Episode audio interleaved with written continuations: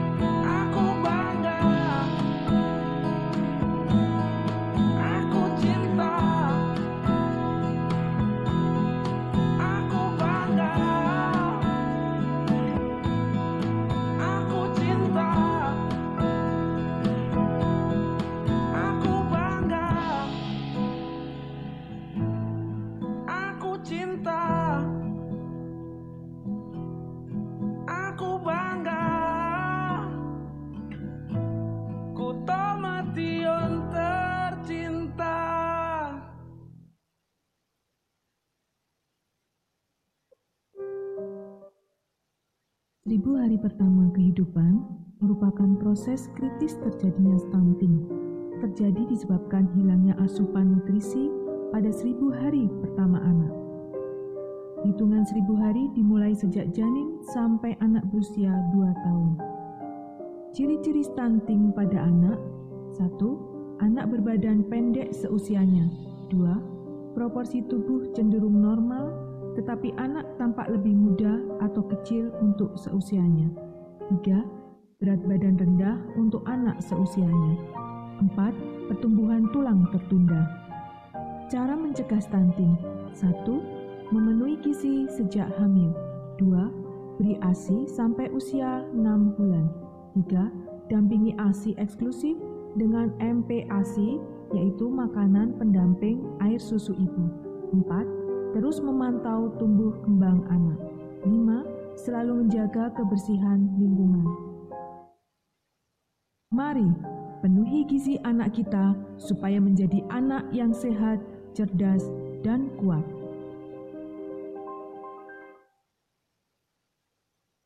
Iklan layanan masyarakat ini dipersembahkan oleh Kim Anyelir Kejuron, Kota Madiun.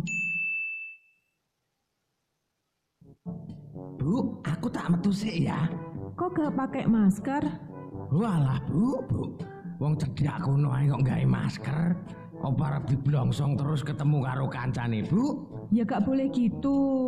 Jauh dekat harus tetap pakai masker.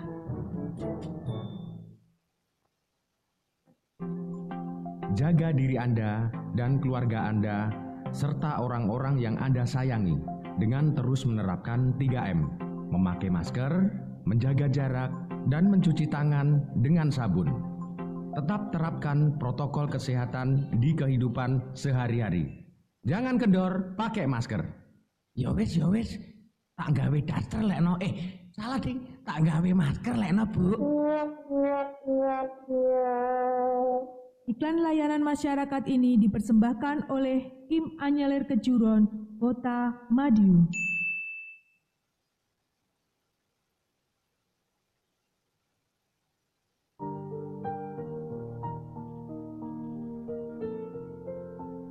Baik Sobat Anyelir, masih bersama dengan kami suara Anyelir ya. Seperti itu tadi, eh, kami di sini akan berbagi mengenai info-info seputaran Kota Madiun dan juga akan berbagi iklan layanan masyarakat yang mungkin saat-saat ini yang lagi viral ya gitu. Dan tidak bosan-bosannya kami selalu dan selalu mengingatkan untuk menerapkan protokol kesehatan yaitu yaitu dengan 3M tadi. Memakai masker, mencuci tangan dengan sabun dan menjaga jarak ya. Semoga dengan usaha kecil ini bisa memutus rantai penyebaran COVID-19 khususnya di Kota Madiun. Baik Sobat Kim, mungkin udah menunggu ya, langsung aja kita menginjak berita hoax yang pertama. Mengenai radiasi pada ponsel sebabkan kebutaan. Ini. Kabar tentang siswa sekolah dasar di Sulawesi ya. Yang kehilangan penglihatannya akibat terpapar radiasi telepon genggam menjadi viral di sejumlah media jejaring sosial. Dalam sebuah unggahan konten berita, siswi berusia 10 tahun itu diduga terpapar radiasi dari ponsel saat mengikuti kelas daring dari sekolah ya. Siswa tersebut semula dikabarkan merasakan sakit kepala. Saat sedang bermain seharian kemudian penglihatan siswi tersebut jadi kabur dan berangsur menghilang. Wih, idus. Namun benarkah radiasi pada gawai dapat menyebabkan kebutaan? Nih, langsung dijawab Dr. Ferdiva Hamzah dari Rumah Sakit Mata Jakarta Eye Center atau yang disebut dengan JEC menjelaskan radiasi dari ponsel maupun gawai tidak akan sampai merusak mata dan tidak menyebabkan kebutaan. Jadi untuk berita mengenai radiasi pada ponsel sebab kebutaan itu tidak benar alias hoax ya sobat anyelir. Dan ini hmm, ke depannya ke depannya bisa buat eh, pelajaran juga untuk apa adik-adik khususnya suara eh, sobat suara eh, maaf su- eh, sobat anyelir yang saat ini lagi dengerin. Bisa buat pengalaman juga jadi untuk adik-adik penggunaan gadget atau HP itu ada tata cara dan etika. Begitu.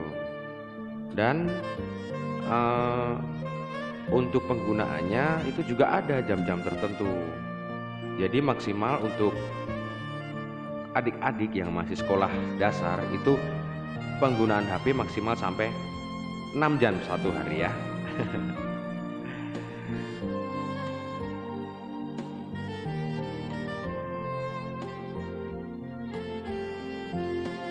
Baik, untuk berita hoax selanjutnya, kasus COVID-19 Surabaya tertinggi di Indonesia pada bulan November ini. Coba kita cek faktanya, sobat Anyelir. kasus infeksi COVID-19 di Surabaya menjadi kasus tertinggi di Indonesia. Demikian isi pesan berantai di aplikasi WhatsApp pada pertengahan November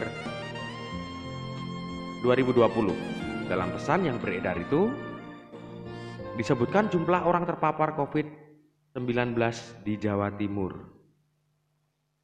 Jumlahnya meledak dan jumlah kasus positif di berbagai kota dan kabupaten di Jawa Timur. Lain itu, pesan itu juga menyebut sejumlah dokter yang meninggal akibat COVID-19 di Indonesia.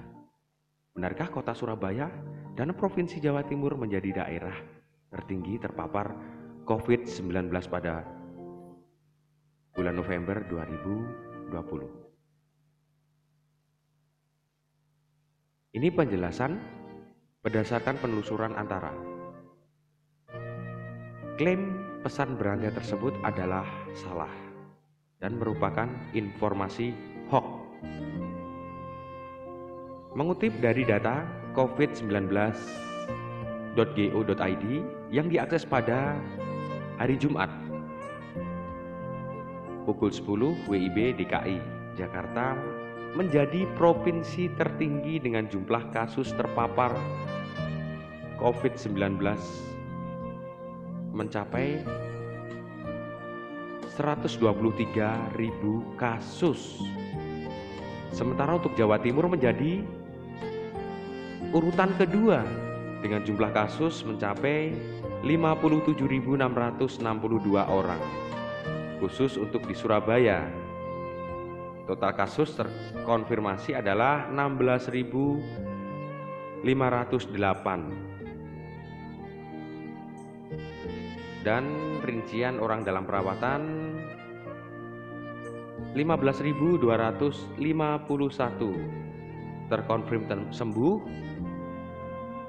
dan terkonfirmasi meninggal 1194 klaim kasus COVID-19 di Surabaya tertinggi di Indonesia pada bulan November jadi tidak benar. Jadi untuk berita ini berita mengenai COVID-19 di Surabaya tertinggi di Indonesia pada bulan ini. Itu beritanya tidak benar sebab tadi sudah dicek faktanya menurut data, eh, menurut datanya itu tidak benar. Baik sebelum menginjak hoax selanjutnya kita ikuti ya lagu dan iklan layanan masyarakat yang mungkin uh, lalu nginget-nginget atau sebagai rambu-rambu untuk kita menjalani giat di masa pandemi ini. Baik dari Awas Jatuh Cinta dari Armada, spesial untuk pendengar dari suara Anyelir.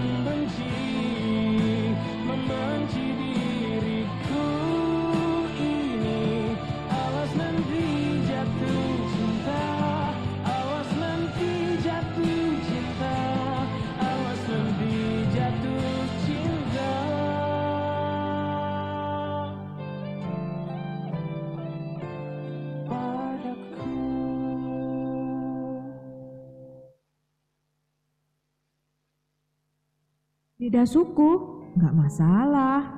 Beda ras, nggak masalah. Beda agama, nggak masalah juga. Beda antar golongan, nggak masalah juga.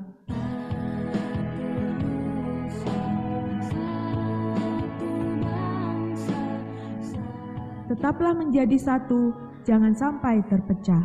Gapai angan-angan dan cita-citamu untuk masa depan yang cerah buat Indonesia menjadi bangga.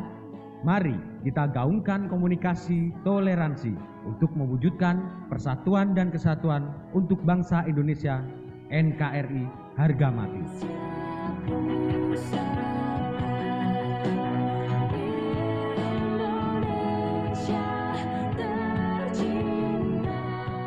Dipersembahkan oleh Kim Anyelir Pejuron, Kota Madiun. sun.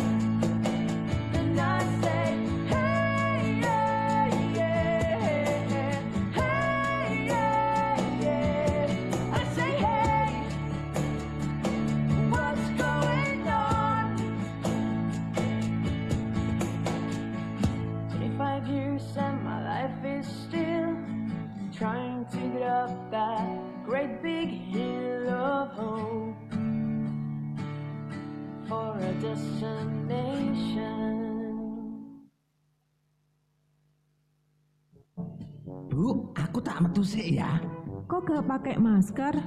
Walah bu, bu. Wong cedak kuno ae kok gawe masker. Apa arep diblongsong terus ketemu karo kancane, Bu? Ya gak boleh gitu. Jauh dekat harus tetap pakai masker.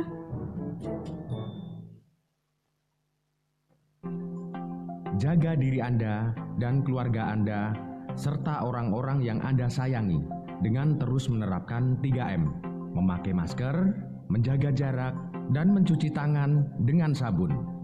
Tetap terapkan protokol kesehatan di kehidupan sehari-hari. Jangan kendor, pakai masker. Ya wis, ya wis. Tak gawe daster lekno. Eh, salah ding. Tak gawe masker lekno, Bu. Iklan layanan masyarakat ini dipersembahkan oleh Kim Anyelir Kejuron, Kota Madiun.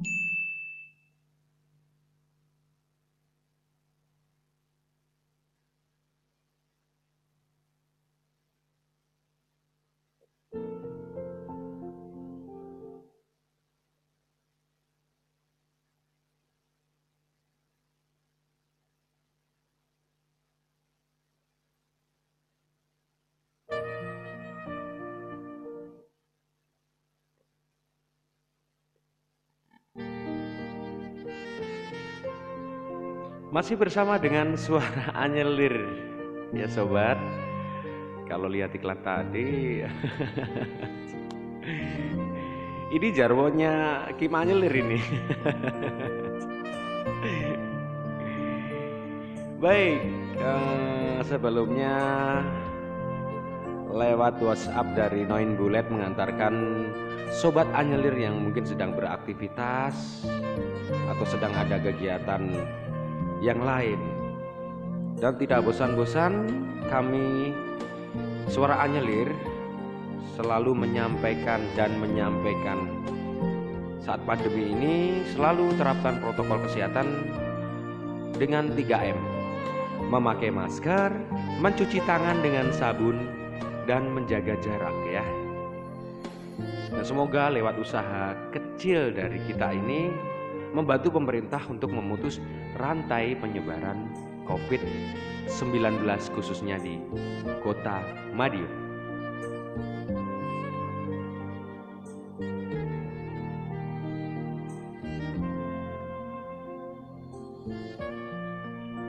Baik Sobat Anjelir, eh, kita teruskan ya.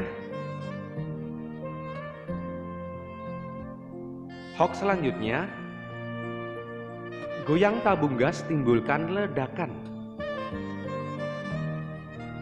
Ini buat Sobat Anjelir nih, khususnya mak-mak ini. Informasi tentang larangan menggoyang-goyangkan tabung gas saat ini santer beredar di jejaring, di jejaring media sosial khususnya di Facebook. Sejumlah, sejumlah unggahan di platform daring milik Mark itu mengklaim getaran pada tabung gas kelak dapat memicu ledakan hebat. Bahkan di saat menggoyang-goyangkan tabung bisa timbul percikan dari tabung gas kosong yang diguncang. Unggahan tersebut turut menyematkan sebuah video berdurasi 15 detik tentang orang yang menggoyang-goyangkan tabung gas LPG. Dalam cuplikan gambar itu, tampak dua orang pria berpakaian putih sedang memperbaiki sebuah tabung gas dengan menggoyang-goyangkan. Namun, tak lama kemudian, tabung itu boom, meledak, sobat. Tapi benarkah menggoyang-goyangkan tabung gas bisa timbulkan ledakan? Dan ini langsung dijawab atau diklaim hasil penelusuran antara informasi yang menyebutkan menggoyang-goyangkan tabung gas bisa timbulkan ledakan merupakan narasi keliru atau hoax. Dan tidak hanya itu aja, National Graphic Indonesia menerangkan kebakaran ataupun ledakan yang menyertakan tabung gas bisa terjadi karena adanya masalah pada komponen penyertanya. Layaknya seperti regulator ataupun selang. Gas yang keluar dari regulator atau selang tersebut kemudian memenuhi ruangan dan meledak ketika ada pemicunya, misalnya saat kompor dihidupkan atau menyalakan api untuk rokok. Dan dari PT Pertamina tidak mau ketinggalan sobat. Juga menjelaskan bahwa tekanan di dalam tabung gas LPG hanya sebesar 8 bar. Sementara itu, tabung baru bisa meledak pada tekanan melebihi 7000 bar. Penjelasan di atas sekaligus mematahkan narasi yang menyebutkan bahwa mengguncang tabung gas kosong juga akan memicu ledakan. Sementara turnbackhawk.id menerangkan bahwa informasi bohong tersebut beredar sejak 2017. Jadi udah jelas ya sobat Anyelir, fakta menggoyangkan gas tabung timbulkan ledakan itu berita salah alias hoax. Jadi kalau kita nggak memindahkan, kalau kita misalkan beli tabung, gimana ya? Caranya kita memindahkan kan pasti kemungkinan kecil tabung tersebut terbentur dengan lantai, terbentur dengan alat untuk membawa tabung itu ya, yang seperti besi itu. Iya ya, benar juga. Jadi eh, kita buat apa ya dari Kim Anyelir atau dari suara Anyelir kita buat informasi menyajikan berita hoax tujuan dari kami untuk saat ini pandemi kita jangan mudah percaya dengan berita yang tidak jelas sumbernya. Terus kita share, kita bagi ke grup WA, teman-teman terdekat kita yang menurut kesehatan kemarin Kim Anyelir juga udah konfirmasi dengan dokter Toto yang uh, di Puskesmas Banjarjo.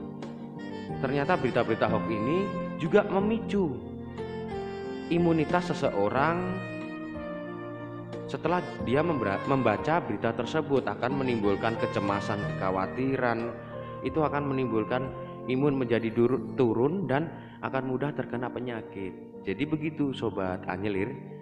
Uh, untuk da suara Anyelir uh, memberikan konsep menyajikan acara mengenai berita hoax. Jadi untuk sobat ir, uh, sobat Anyelir jangan mudah percaya dengan berita-berita yang tidak jelas jeluntrungannya. Baik, kita lanjut berita hoax berikutnya ya.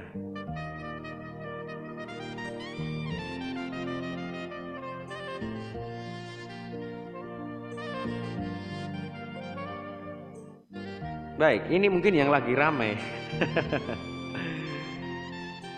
Kepolisian gelar razia masker serentak di Indonesia. Di Indonesia. di aplikasi berbagai pesan WhatsApp. Pada pekan ketiga November 2020 beredar informasi kepolisian akan menggelar razia masker serentak di seluruh wilayah Indonesia. Informasi yang beredar itu menyebut aparat yang mengikuti razia bukan saja dari kepolisian RI, tetapi juga melibatkan kejaksaan dan polisi militer.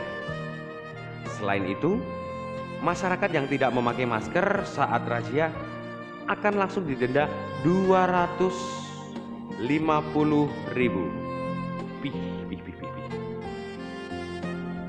Berikut narasi lengkap yang beredar santer di WhatsApp. Assalamualaikum warahmatullahi wabarakatuh. Just info dari Ditlantas Polda besok ada razia masker serentak di seluruh wilayah Indonesia dan melibatkan langsung turun di lapangan semua lintas sektor dari kejaksaan, kepolisian, POM dan lain-lain. Dan kalau ada yang tidak pakai masker langsung akan didenda di tempat 250.000. Tolong infokan ke teman dan atau sebar di grup ya. Saling mengingatkan semoga kita terhindar dari hukuman. Dan langsung aja kita cross check apakah benar kepolisian Republik Indonesia akan menggelar razia masker di seluruh wilayah Indonesia secara serentak pada bulan November 2020. Ini penjelasannya. Antara tidak menemukan informasi resmi terkait razia masker serentak yang akan digelar kepolisian Republik Indonesia di seluruh wilayah Indonesia terutama pada bulan November 2020. Satu, jadi antara udah udah memastikan kalau ini nggak benar. Penelusuran antara justru menemukan informasi hoax itu sering kali muncul dan berulang kali dengan mencatut daerah tertentu. Contohnya salah satu hoax yang muncul terkait razia masker mencatut kepolisian daerah istimewa Yogyakarta seperti tercantum dalam berita Tribun News pada 20 April ini ya. Sebelumnya pada September 2020, Kepala Bidang Humas Polda Metro Jaya Komisaris Besar Polisi Yusril Yunus mengatakan pesan berantai yang mencatut Direktorat Lalu Lintas Kepolisian di seluruh Indonesia akan menggelar razia masker merupakan informasi tidak benar alias hoax ya sobat. Yusril mengatakan pihak yang berwenang melaksanakan razia tersebut terhadap masyarakat yang melanggar protokol kesehatan dengan tidak menggunakan masker adalah satuan polisi Pamong Praja di daerah tersebut. Petugas dari TNI Polri hanya melakukan pendampingan terhadap Satpol PP. Jadi perlu diingat sobat ya.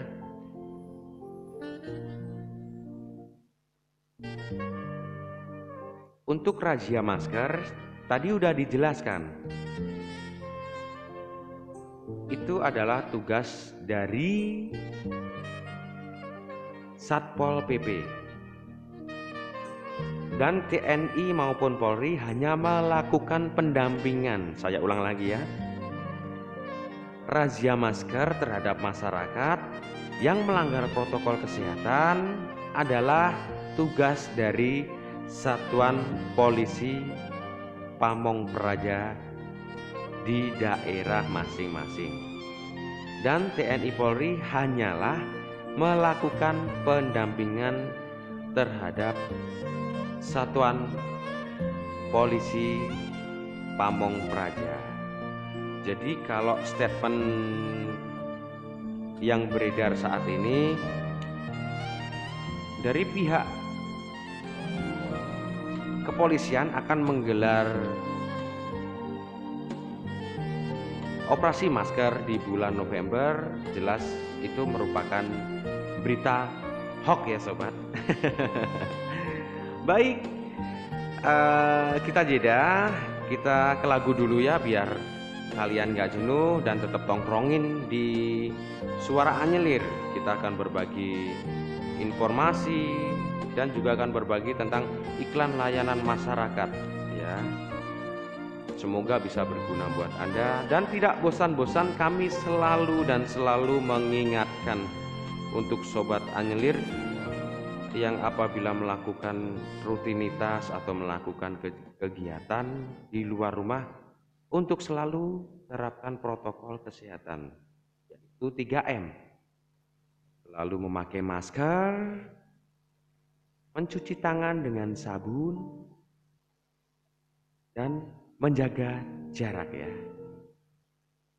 Baik, langsung saja kalau untuk khususnya di Kota Madiun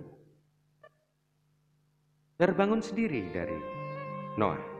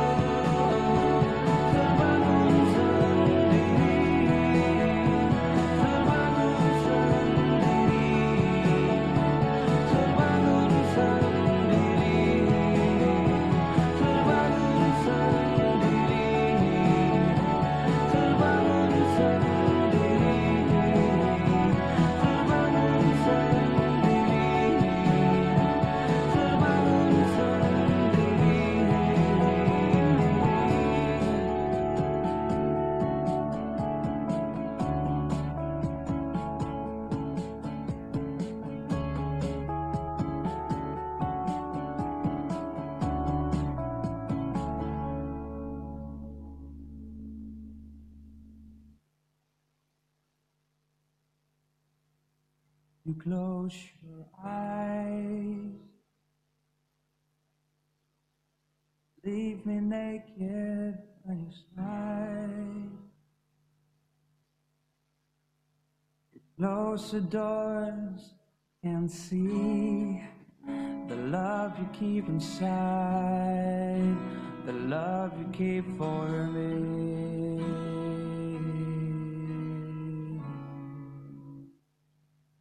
Fills me up. It feels like living in a dream. It fills me up so I can see the love you keep inside, the love you keep for me.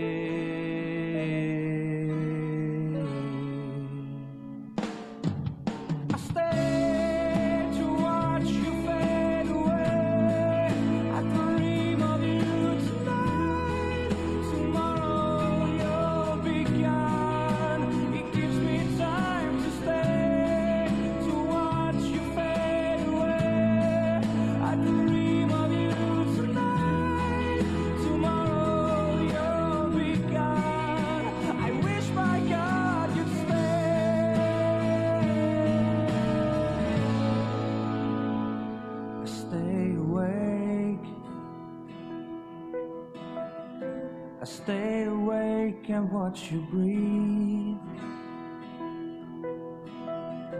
I stay awake and watch you fly away into the night, escaping through a dream.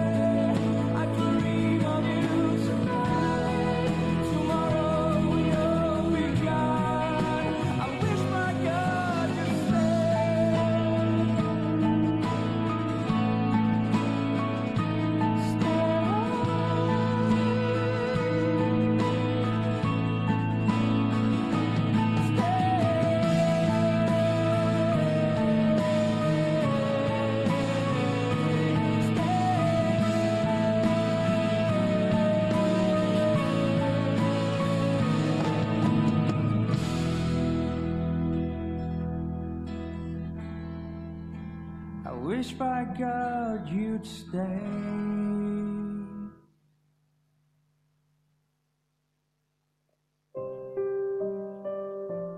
Seribu hari pertama kehidupan merupakan proses kritis terjadinya stunting.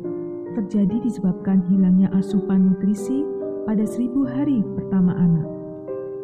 Hitungan seribu hari dimulai sejak janin sampai anak berusia 2 tahun. Ciri-ciri stunting pada anak 1. Anak berbadan pendek seusianya 2. Proporsi tubuh cenderung normal tetapi anak tampak lebih muda atau kecil untuk seusianya 3. Berat badan rendah untuk anak seusianya 4. Pertumbuhan tulang tertunda Cara mencegah stunting 1. memenuhi gizi sejak hamil. 2. Beri ASI sampai usia 6 bulan.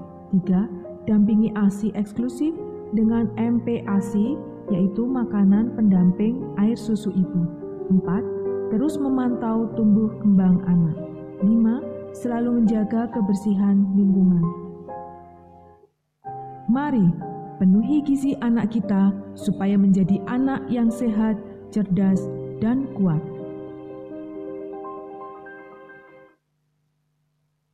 Iklan layanan masyarakat ini dipersembahkan oleh Kim Anyelir Kejuron, Kota Madiun. Bu, aku tak metu sik ya. Kok gak pakai masker? Walah, Bu, Bu. Wong cedhak kono ae kok gawe masker. Apa arep diblongsong terus ketemu karo kancane, Bu? Ya gak boleh gitu. Jauh dekat harus tetap pakai masker.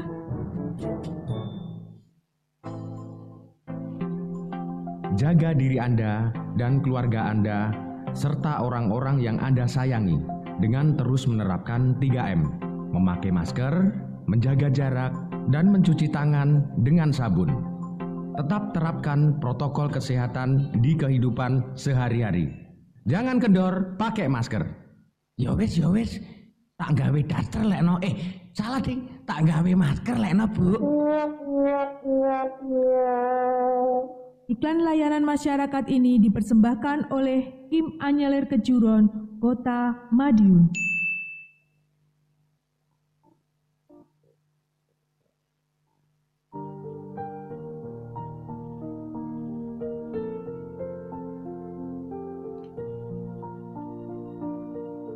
Baik Sobat Anyelir, masih bersama dengan suara Anyelir ya. Eh, kita langsung aja ke hoax selanjutnya. Ini masih berhubungan dengan mak-mak juga ini. Tabung LPG 12 kilo diganti gratis oleh Brigas tahun ini ya. Kita coba cek faktanya. Ternyata informasi atau berita ini sudah menyebar melalui pesan WhatsApp. Beredar informasi tentang tabung gas LPG atau LPG warna biru ukuran 12 kg yang diklaim dapat ditukar menjadi tabung brigas secara gratis. Informasi itu mencantumkan pula batasan waktu penukaran yaitu hingga akhir tahun atau pengguna gas produksi PT Pertamina akan dikenakan biaya tambahan 500.000. Berikut isi pesan lengkap yang beredar tentang tabung gas 12 kilo. Sekelas in- sekilas info, tabung gas biru batas penukaran sampai akhir tahun. Kalau beli isi ulang, gas minta tabung pink harganya gas aja seperti biasa. Tapi kalau lewat akhir tahun masih punya tabung biru, penukaran tabung biru tidak diterima lagi. Berarti kalau beli gas 12 kilo plus ha- harga tabung jadi sekitar 500.000 ribu dari sini beritanya kata-katanya kayak acak adul. Udah kelihatan. Mumpung masih ada kesempatan dari pemerintah tukarkan tabung pink kita. Jangan sampai ketinggalan. Dan boleh dibagikan info ini ke teman-teman anda. Dilihat dari kata-katanya udah acak adul sobat. Jadi yuk coba kita cek kebenarannya ya. Masyarakat dapat mengganti tabung gas biru menjadi tabung brigas secara gratis dan penjelasan ini langsung diberikan oleh Antara lewat penelusuran menemukan informasi yang beredar tentang gas LPG 12 kilo tersebut adalah kabar bohong. Melalui akun Instagram Brigas dan PT Pertamina, penukaran tabung gas berwarna biru ke tabung warna pink secara gratis sebelum akhir tahun itu merupakan berita tidak benar atau hoax. Maka dari itu, sobat, selalu periksa kebenaran setiap informasi yang dapat yang didapat atau tetap waspada terhadap penipuan atau berita hoax yang mengatasnamakan instansi terkait ya. Seperti tadi Pertamina, terus Brigas,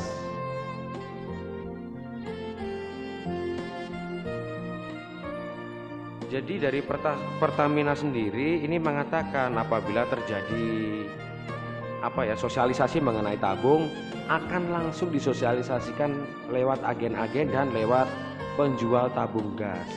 Jadi tidak perlu khawatir Eh, mengenai tabung gas khususnya mak-mak ini ya.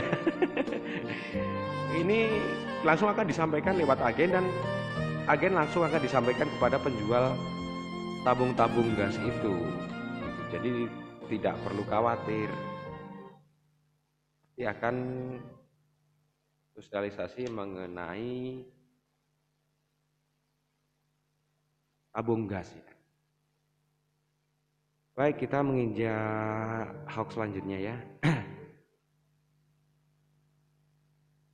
COVID-19 disebut sebagai flu biasa. Video yang mengatasnamakan Aliansi Dokter Dunia mengklaim COVID-19 seperti virus flu biasa itu tidak berbahaya.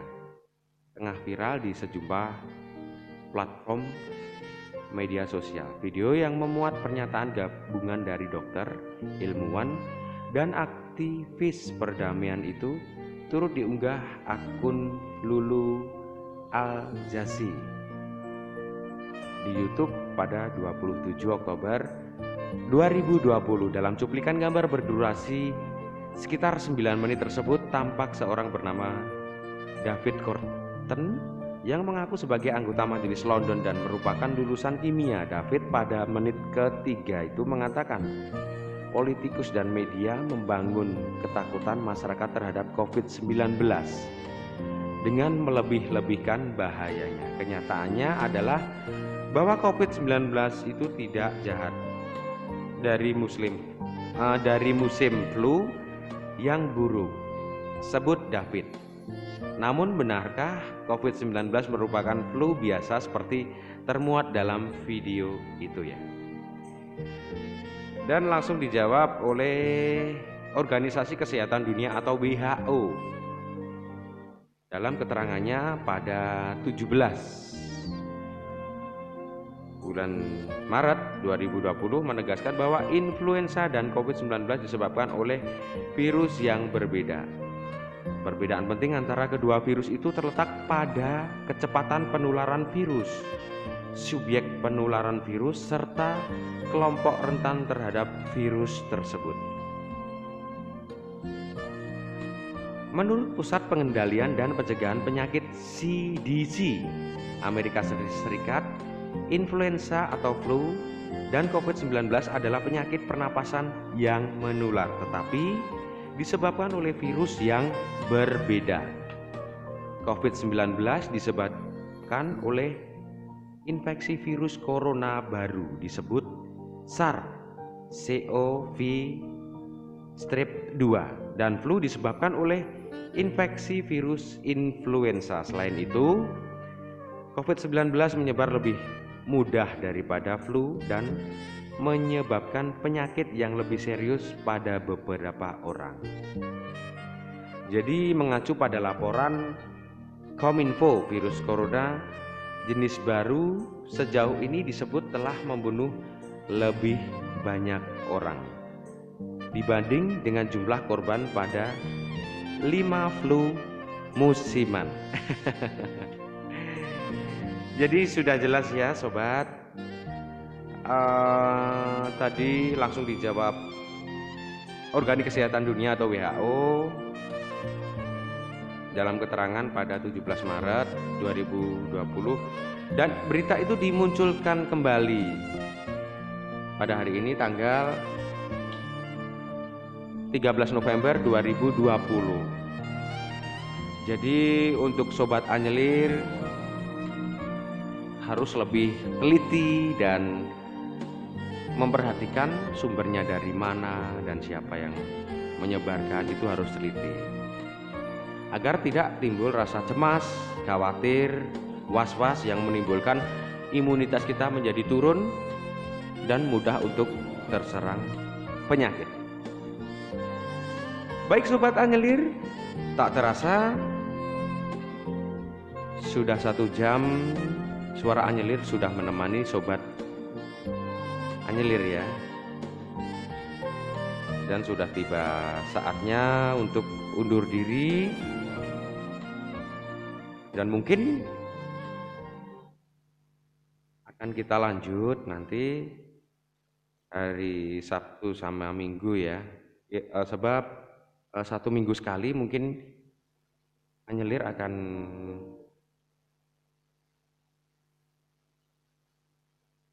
mengudara bersama sobat anyelir.